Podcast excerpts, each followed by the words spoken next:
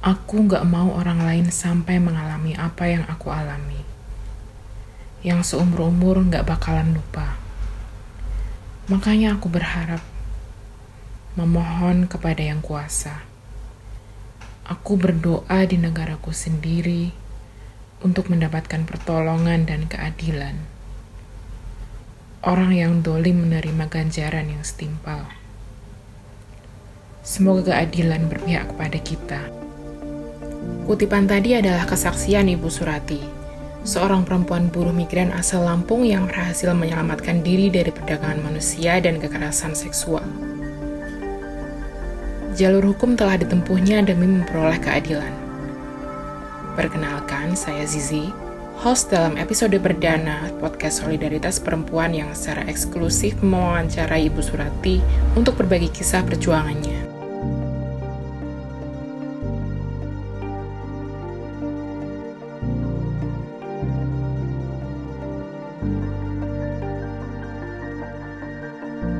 Saya merasa sangat bersyukur. Karena setelah apa saya alami bukan cuma saya dari 14 teman lainnya yang selama ini terkurung. Tidak ada kebebasan terenggut kehormatan itu semua kami rasakan dan, dan seperti kayak mimpi saya bisa mengalami yang hal yang saya alamin yang sekarang ini. Seolah-olah saya telah terangkat dari lumpur-lumpur yang sangat kotor, apalagi dengan adanya pendamping-pendamping dari solidaritas perempuan ini, saya sangat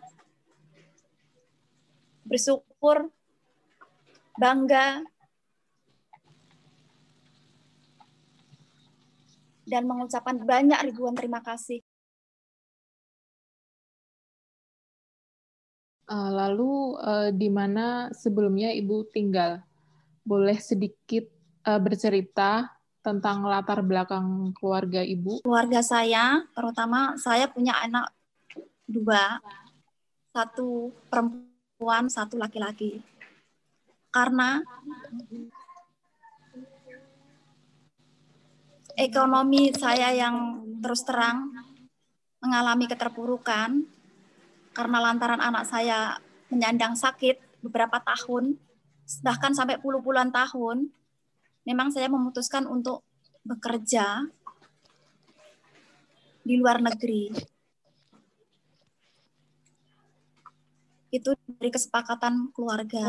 Waktu itu, waktu ada setelah penawaran pihak penyalur, itu saya kan malah justru disuruh sama pihak penyalur. Kalau bisa keluarga apa suami suruh datang. Saya mau ngomong. Jadi pihak penyalur pun ngomong langsung dengan suami.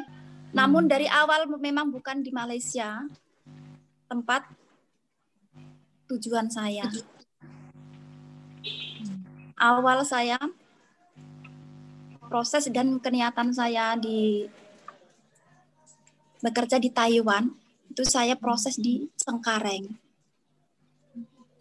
Dan awal mula saya bisa sampai ketemu dengan pihak penyalur itu memang lantaran dia nggak tahu tugasnya sebagai apa, karena proses setelah medikal dan seterusnya saya diperizinkan untuk diberitahu untuk uh, pulang ke Lampung untuk pasporan, di situlah saya bisa ketemu dengan penyalur saya yang menjerumuskan saya di pekerjaan Hmm. Karena dia yang membantu proses jalannya pasporan saya. Dan di situ, dikala saya ini dalam proses pembuatan paspor, kakak saya dinyatakan bermasalah. Tapi saya kurang paham bermasalahnya di bagian mana saya kurang paham waktu itu. Hmm. Sebab benak saya tuh keinginan saya cuma bekerja demi keluarga gitu aja. Jadi saya nggak hmm. sampai detail gitu kan. Nah di situ karena diberitahu kakak saya bermasalah, jadi sama pihak yang bertugas untuk mempasporkan itu dikembalikan ke daerah asal saya di Tulang Bawang, saya menunggu di rumah kediaman dia. Dan di situ juga memang ada tempat penampungan gitu kan, kamar-kamar khusus gitu untuk penampungan. Itu memang ada. Nah, di situlah saya di iming-imingi untuk bekerja di negara penempatan Malaysia. Karena kebetulan pihak penyalur itu punya job order di sana, membutuhkan waktu itu delapan orang. Hmm. Nah, awal pertama yang mau dia antar itu anak keponakan sendiri. Itulah yang membuat saya beserta teman-teman itu yakin karena salah satu yang dipekerjakan di sana itu anak keponakan sendiri, anak kandung ponakan sendiri karena hmm. bapak dia itu adik kandung penyisang penyalur yeah. gitu. Di situ katanya dipekerjakan di spa kecantikan dengan gaji yang memadai Taiwan. Proses nggak lama, dengan pemotongan gaji juga nggak dalam jangka waktu lama, paling lama itu enam bulan. Terus selama masa potongan itu kita masih bisa mengirim ke keluarga rata-rata 4 juta. Tapi setelah kita ini ya melalui proses-proses kan dari pasporan, terus kita langsung diantar ke Batam. Di Batam itu dari mulai eh, ID, medical sampai PAP itu kan terus kita diberangkatkan ke Malaysia, bisa turun ke Malaysia. Itu langsung dijemput bos. Nah, setelah sampai di sana, itu ternyata anak keponakan sang penyalur itu juga dia perlakuannya sama kita ada lain dia juga ikut jahat bahkan dia jadi hmm. uh, gini dia ikut apa kata mau bos jadi apa yang kita lakukan kalau kita ini melanggar peraturan dari bos justru dia yang selalu melaporkan ke bos ya yeah. gitu sampai pada akhirnya proses saya pelaporan ini pun itu nggak saya kaitkan anak keponakan dari Bu Sup itu nggak saya kaitkan secara diam-diam dia nggak saya masukkan. Hmm. Tapi sebelum ibu memutuskan untuk akhirnya berangkat, uh, ada nggak sih keraguan atau kecurigaan ibu terhadap agen tersebut?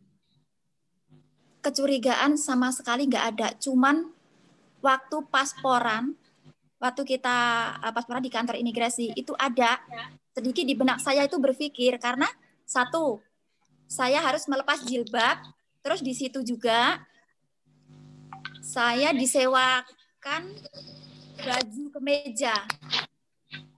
Jadi saya harus lepas baju, ganti baju sewa kemeja, dan saya juga harus ngasih penjelasan atau jawaban hmm. apabila nanti dipertanyakan pasporan itu ini untuk apa? Apakah untuk bekerja? Kita harus jawab enggak karena paspor itu hanya untuk jalan-jalan selama 10 hari itu aja.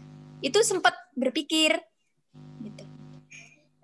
Hmm, jadi pas ketika proses pembuatan paspornya ya Bu, ada iya. hal-hal yang terkesan ditutupi. Ya terus kita juga kan nggak melalui antrian pada umumnya gitu. Jadi kita oh, dia okay. cuman telepon, telepon, telepon gitu, terus lewat belakang gitu. Hmm. Itu kok jadi kita mikir juga sempat mikir gitu kok lewat belakang gitu aja tapi nggak lebih gitu nggak lebih terus sejauh sana-sana karena kita belum pengalaman ke luar negeri mungkin kan gimana prosesnya gitu kan pertama kali uh, tiba di Malaysia kita posisinya dijemput langsung bos langsung ke tempat kerja hmm. bagaimana perasaan ibu ketika pertama kali tiba di sana kalau pertama kali ya kita adanya cuma bersyukur alhamdulillah kita sampai karena kita belum hmm. tahu jenis pekerjaan apa yang bakal kita alamin gitu kan kita jalanin gitu taunya kita di di spa memang di situ juga kan hmm. kan tertekan rapi memang di spa gitu kan. Jadi Hmm. adanya cuma merasa bersyukur. Cuman setelah tahu ya udah nggak bisa dibayangin lagi di situ kebetulan kami berempat Ya. berempat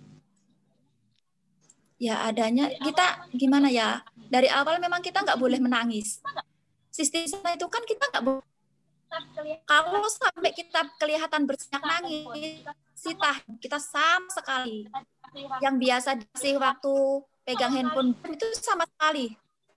Ketuntutan kerja kita memang harus kita harus selalu senang. Karena kita apabila kita dalam bekerja itu ya posisinya kita nggak senang. Terus ngelayanin customer customer komplain bahwa kita nggak ramah. Itu kan kena masalah gitu. peraturan itu sangat banyak peraturan.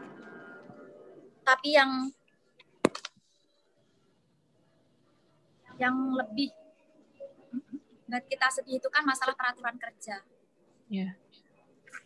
masalah peraturan kerja. Kalau masalah peraturan-peraturan yang lain itu kami anggap oke lah, kami masih bisa ngejalanin, bisa ngehandle semua. Tapi kalau masalah peraturan kerja ini yang sangat-sangat amat sangat memberatkan dan karena sangat tidak terpuji. Bagaimana itu, Bu? Seperti apa? Kalau eh, kami boleh tahu. Ya dari awal kita nyampe sana itu kan kita di training Hmm. selama tiga bulan. Ya. Tapi sebelum sebelum tiga bulan itu memang kita udah udah harus kerja, cuman bahasa dia aja. Kamu harus training, trainingnya itu memang urut, urut ada stepnya. Kita harus menghafal step. Urut yang kita lakuin itu ya berbagai inilah ada yang khusus urut kaki, urut badan, urut bahu, bahkan di sana vessel muka apa itu memang komplit di sana itu untuk mengalihkan alibi uh, petugas-petugas karena di- sebetulnya banyak razia berapa bulan sekali memang ada razia. Terus di situ jadi semua keahlian kita dalam hal urut itu juga manipulasi. Karena sistem kita itu kan di sana customer ambil jam Hmm. ambil jam. Uh, andai kata customer ambil satu jam. Satu jam itu 30 menitnya kita memang betul-betul urut. Kita betul-betul urut. Namun setelah 30 menitnya itu kita dituntut untuk menawarkan menawarkan urut batin. Kalau umum di sana urut batin. Hmm. Terus apabila kita nggak mau menawarkan itu, tetap ada yang naik seniornya yang di sana udah lama itu ya kepercayaan bos salah eh, beberapa orang gitu naik dia yang menawarkan. Apabila customer mau, ya udah kita kena masalah. Hmm. Jadi memang kita harus diwajibkan untuk menawarkan. Dan setelah customer itu kalau kami tanya, abang nak urut batin tak? Jika jawaban customer oke, itu baru dia terus maunya apa? Karena di sana kan ada beberapa jenis eh, penawaran gitu kan, yang termasuk kalau di inisialin di sana kan pimpong gitu, Hmm. pimpong, es krim itu. Jadi kalau pimpong itu urut kelamin sampai keluar air mani. Nah, kalau pimpong itu kan dengan harga 50, kalau es krim itu pakai mulut. Pakai bibir. Itu dengan harga 150 RM kan. Dan selebihnya memang nggak sampai maaf nggak sampai seg itu memang nggak ada. Tapi intinya kita ini dijadiin mainan gitu, dijadiin boneka. Dan setelah kita customer itu mau oke, itu kita ambil dulu duit. Terus duitnya itu kita turun kasih ke bos, nggak bisa kita sama sekali nggak pernah yang namanya pegang duit seringgit dua ringgit nggak nggak ada yang bisa sistemnya gitu. Jadi ntar kita Hmm. cuman ngambil alat kita kerjain, udah. Di situ kalau sampai customer komplain pun ya kita kena masalah lagi. Lalu apakah Ibu pernah melakukan perlawanan? Kalau masalah perlawanan yang secara nyata, kami memang saya akui belum pernah. Belum pernah karena kita nggak ada, nggak ada kesempatan untuk kami bisa apa gitu kan.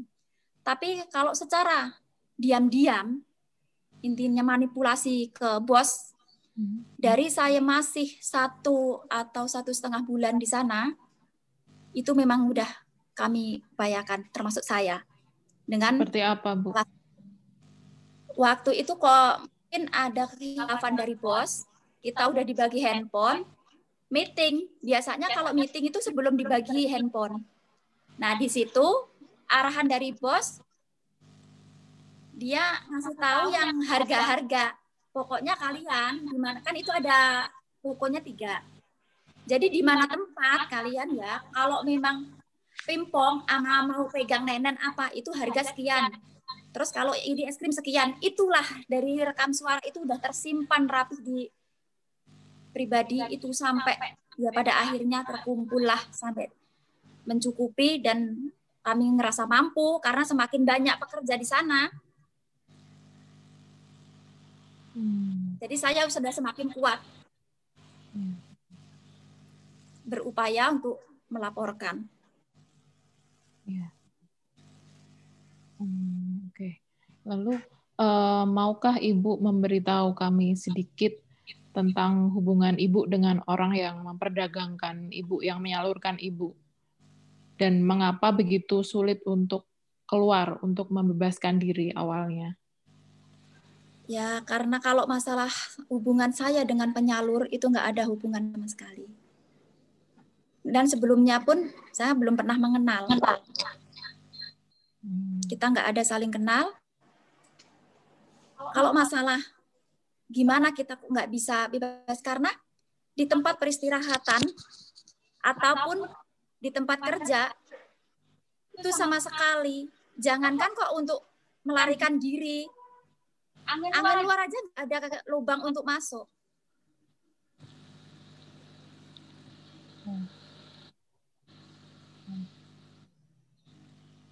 Jadi sama sekali ya Bu, nggak pernah eh, keluar-keluar diizinkan atau apa untuk membeli keperluan sama Ibu sekali. juga? Sama sekali. Ya keperluannya cuman tulis, ya nanti dibelanja. Belanja kalau dia yang bisa nurutin apa mau dia, maunya bos, ya semua dicukupin. Tapi kalau enggak, ya itu makan sehari-hari ya cukup terong, sawi, kangkung, Lalu bagaimana Ibu uh, berkomunikasi dengan keluarga Ibu di rumah? Ya kami komunikasi kan ada kesempatan ini apa? Uh, pegang handphone, walaupun nggak lama. Ya itu tapi kan kami nggak berani menceritakan. Sebab di situ kalau kelihatan ada yang sampai melaporkan atau komunikasi dengan keluarga ngomongin masalah itu, itu sita handphone karena teman-teman itu banyak yang nggak bisa pegang handphone ada yang empat tahun di sana itu sama sekali nggak bisa pegang handphone. Hmm. Bersediakah Ibu uh, berbagi dengan kami tentang beberapa efek emosional dan fisik yang Ibu alami sebagai akibat dari trauma Ibu? Kalau efeknya, memang terus terang saya fokusnya di pihak penyalur. Setiap kali saya ingat memang rasanya saya nggak bisa karena saya ingat penyalur itu yang secara langsung dan meyakinkan saya bahwa dia itu kan pernah melihat langsung tempat kerja saya.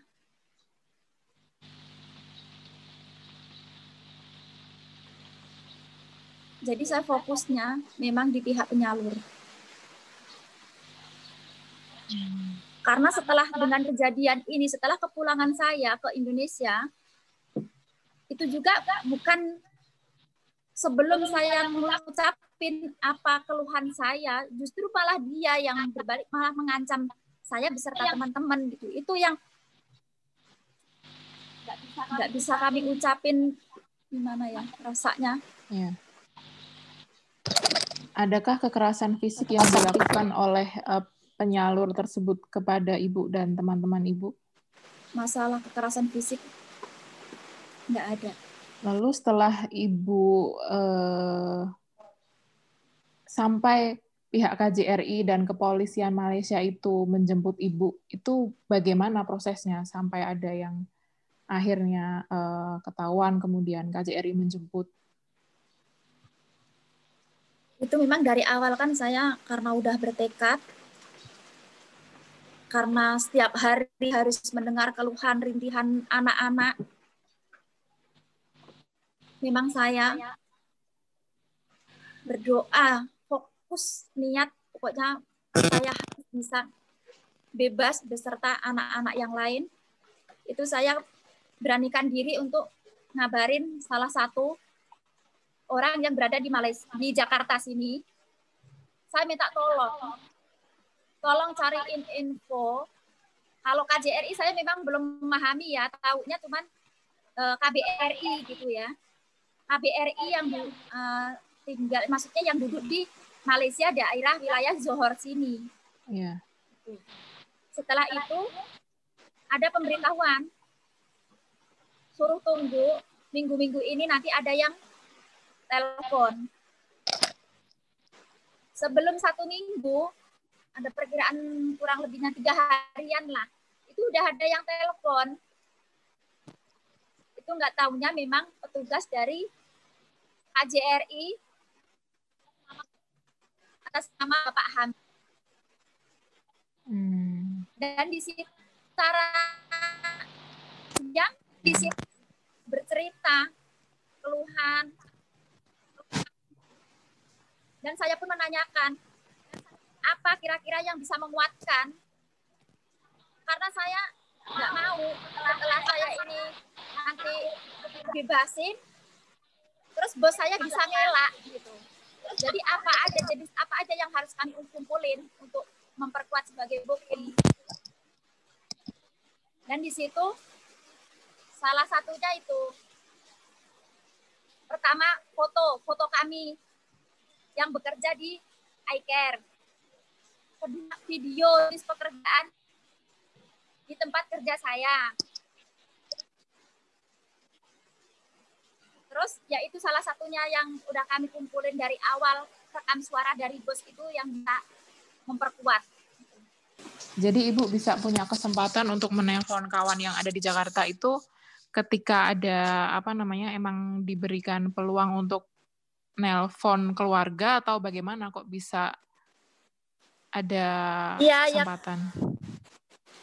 Ya, ya kebetulan di situ pas bosnya nggak ada, terus kepercayaan bos itu yang selalu mengawasin kita itu ada booking. Karena di situ sistemnya kan kalau memang dia siapa ini kan yang booking kan. Jadi itu di booking. Jadi di, kita alhamdulillahnya ada kesempatan untuk bisa kalau masalah setiap kali komunikasi dengan pihak KJRI itu kita ya manipulasi juga. Maukah Ibu uh, memberitahu kami tentang jalan Ibu menuju pemulihan dan apa yang membantu ibu untuk bisa pulih dari trauma yang ibu alami?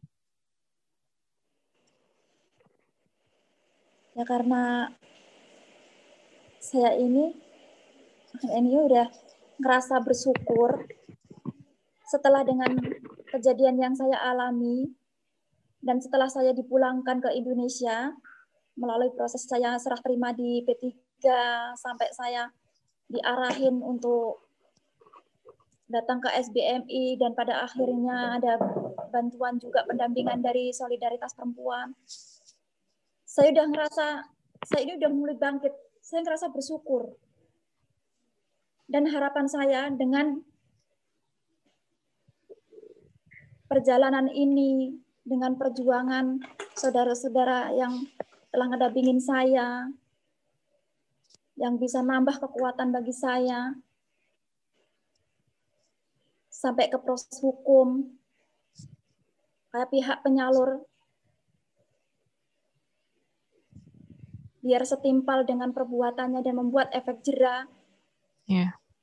yang bagi yang lainnya biar enggak terjadi banyak korban. Ya, setelah seseorang mendengar ibu berbicara, apa yang e, Ibu harap mereka bisa pelajari dari pengalaman Ibu?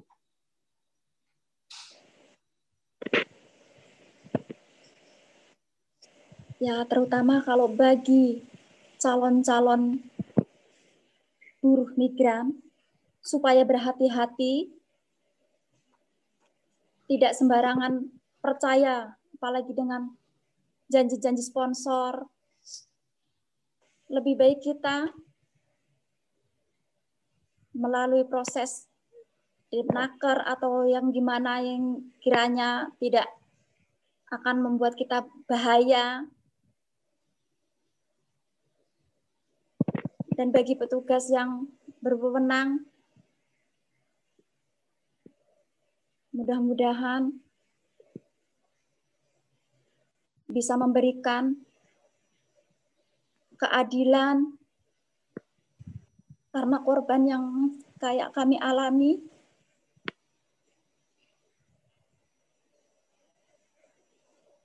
sangat-sangat tersiksa. Apa saran Ibu untuk korban lainnya yang mungkin uh, takut untuk mencari bantuan? Atau mungkin mereka tidak punya tidak melihat kesempatan untuk mencari bantuan? Justru dengan pengalaman yang saya alami ini, insya Allah saya akan memperluas ataupun ngasih info ke info agar supaya kita ini nggak boleh takut, hilangkan rasa hmm. takut. Yeah. Karena di negara ini ternyata banyak keadilan-keadilan yang mungkin kita nggak tahu ya. Banyak pekerja-pekerja kantor-kantor yang dengan ikhlasnya termasuk di solidaritas perempuan ini dengan ikhlas ngedampingin memperlancar jalannya proses yang apa yang tadinya saya nggak tahu saya dibimbing diberitahu dikasih pembelajaran Itulah motivasi bagi saya. Saya kuat, lebih bisa kuat karena dukungan dan dorongan dari ya. semua petugas di kantor solidaritas perempuan ini. Kira-kira apalagi Bu yang dapat dilakukan untuk mendukung korban perdagangan manusia? Ya dari info-info nanti diarahin sedikit banyaknya. Saya harus belajar, masih banyak yang saya harus pertanyakan kepada saudara-saudara saya, terutama di kantor ini, bagaimana terbaiknya? Cara penyampaian saya nantinya ke calon buru-buru migran nanti yang sekiranya ada kenyataan mau bekerja, bagaimana saya harus menyampaikannya yang dengan cara yang bagaimana yang tidak hmm. melanggar hukum intinya. Kalau masalah pengalaman otomatis saya kan sudah mengalami. Tapi hmm. kalau masalah nanti ada itu melanggar hukum apa enggaknya, saya kan memang terus terang non sekolah, jadi kan ada keterbatasan kemampuan hmm. saya. Itu yang hmm. belum saya alami. Mungkin saya harus banyak belajar dan saya minta dorongan, dukungan, saran dari semua petugas-petugas solidaritas hmm. perempuan untuk menanggulangi korban-korban perdagangan manusia di kemudian hari. Menurut Ibu, eh, apa yang tidak diketahui oleh perempuan dan anak perempuan tentang perdagangan yang saat ini penting mereka ketahui bagi perempuan dan anak-anak perempuan supaya mereka terhindar uh, dari perdagangan manusia ini? Sebaiknya kita harus kuat. Kalau bisa janganlah kita berpikir bahwa di luar negeri bekerja di luar negeri di negara lain itu lebih indah, lebih enak, lebih berhasil. Itu sebaiknya hilangkan dari kejadian ini saya pribadi mengharap kita sebagai wanita Indonesia, kita harus bisa lebih cerdas, terampil, bisa menciptakan lapangan kerja di negara kita sendiri. Sebetulnya banyak hal yang masih bisa kita lakukan. Baik. Apakah ada hal lain yang ingin Ibu bagikan? Kalau sekarang ini saya fokus di minta doa dan tetap pendampingan dari semua petugas kantor solidaritas perempuan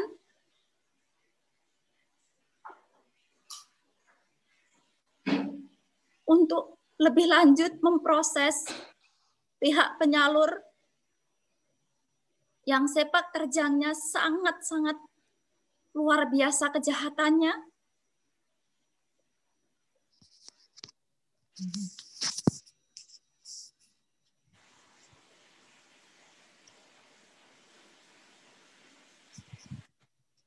Karena tanpa dukungan, dorongan, bantuan, petugas-petugas di solidaritas perempuan ini, saya nggak bisa apa karena bukan saya aja yang berharap. Kami semua, khususnya korban yang di Lampung, itu semua berharapnya memang sang penyalur menerima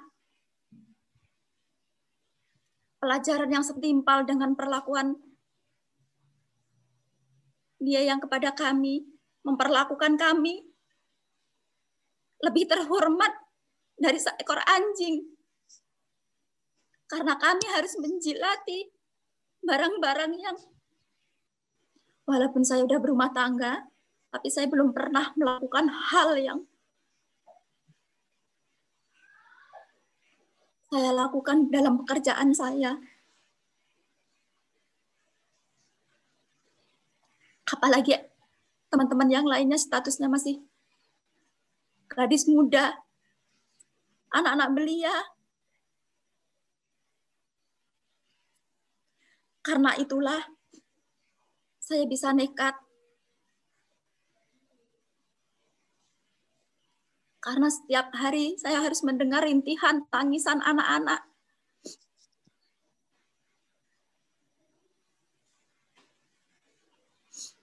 Makanya kami saya terutama yang duduk di S, kantor SPS ini berharap dan penuh harap kepada petugas-petugas kantor ini solidaritas ini. Kesaksian yang disampaikan oleh Ibu Surati di persidangan turut memperkuat keyakinan Hakim Konstitusi untuk menolak keseluruhan permohonan yang diajukan oleh Aspataki atau Asosiasi Perusahaan Penempatan Tenaga Kerja Indonesia dalam pengujian kembali pasal 54, pasal 82, dan pasal 85 UU Perlindungan Pekerja Migran Indonesia. Putusan yang disampaikan pada 25 November 2020 adalah kemenangan kecil atas upaya pelemahan nafas perlindungan buruh migran termasuk perempuan yang terkandung di dalam UU PPMI. Ini adalah kemenangan kecil yang merawat semangat kita untuk menuju kemenangan-kemenangan berikutnya panjang umur perjuangan.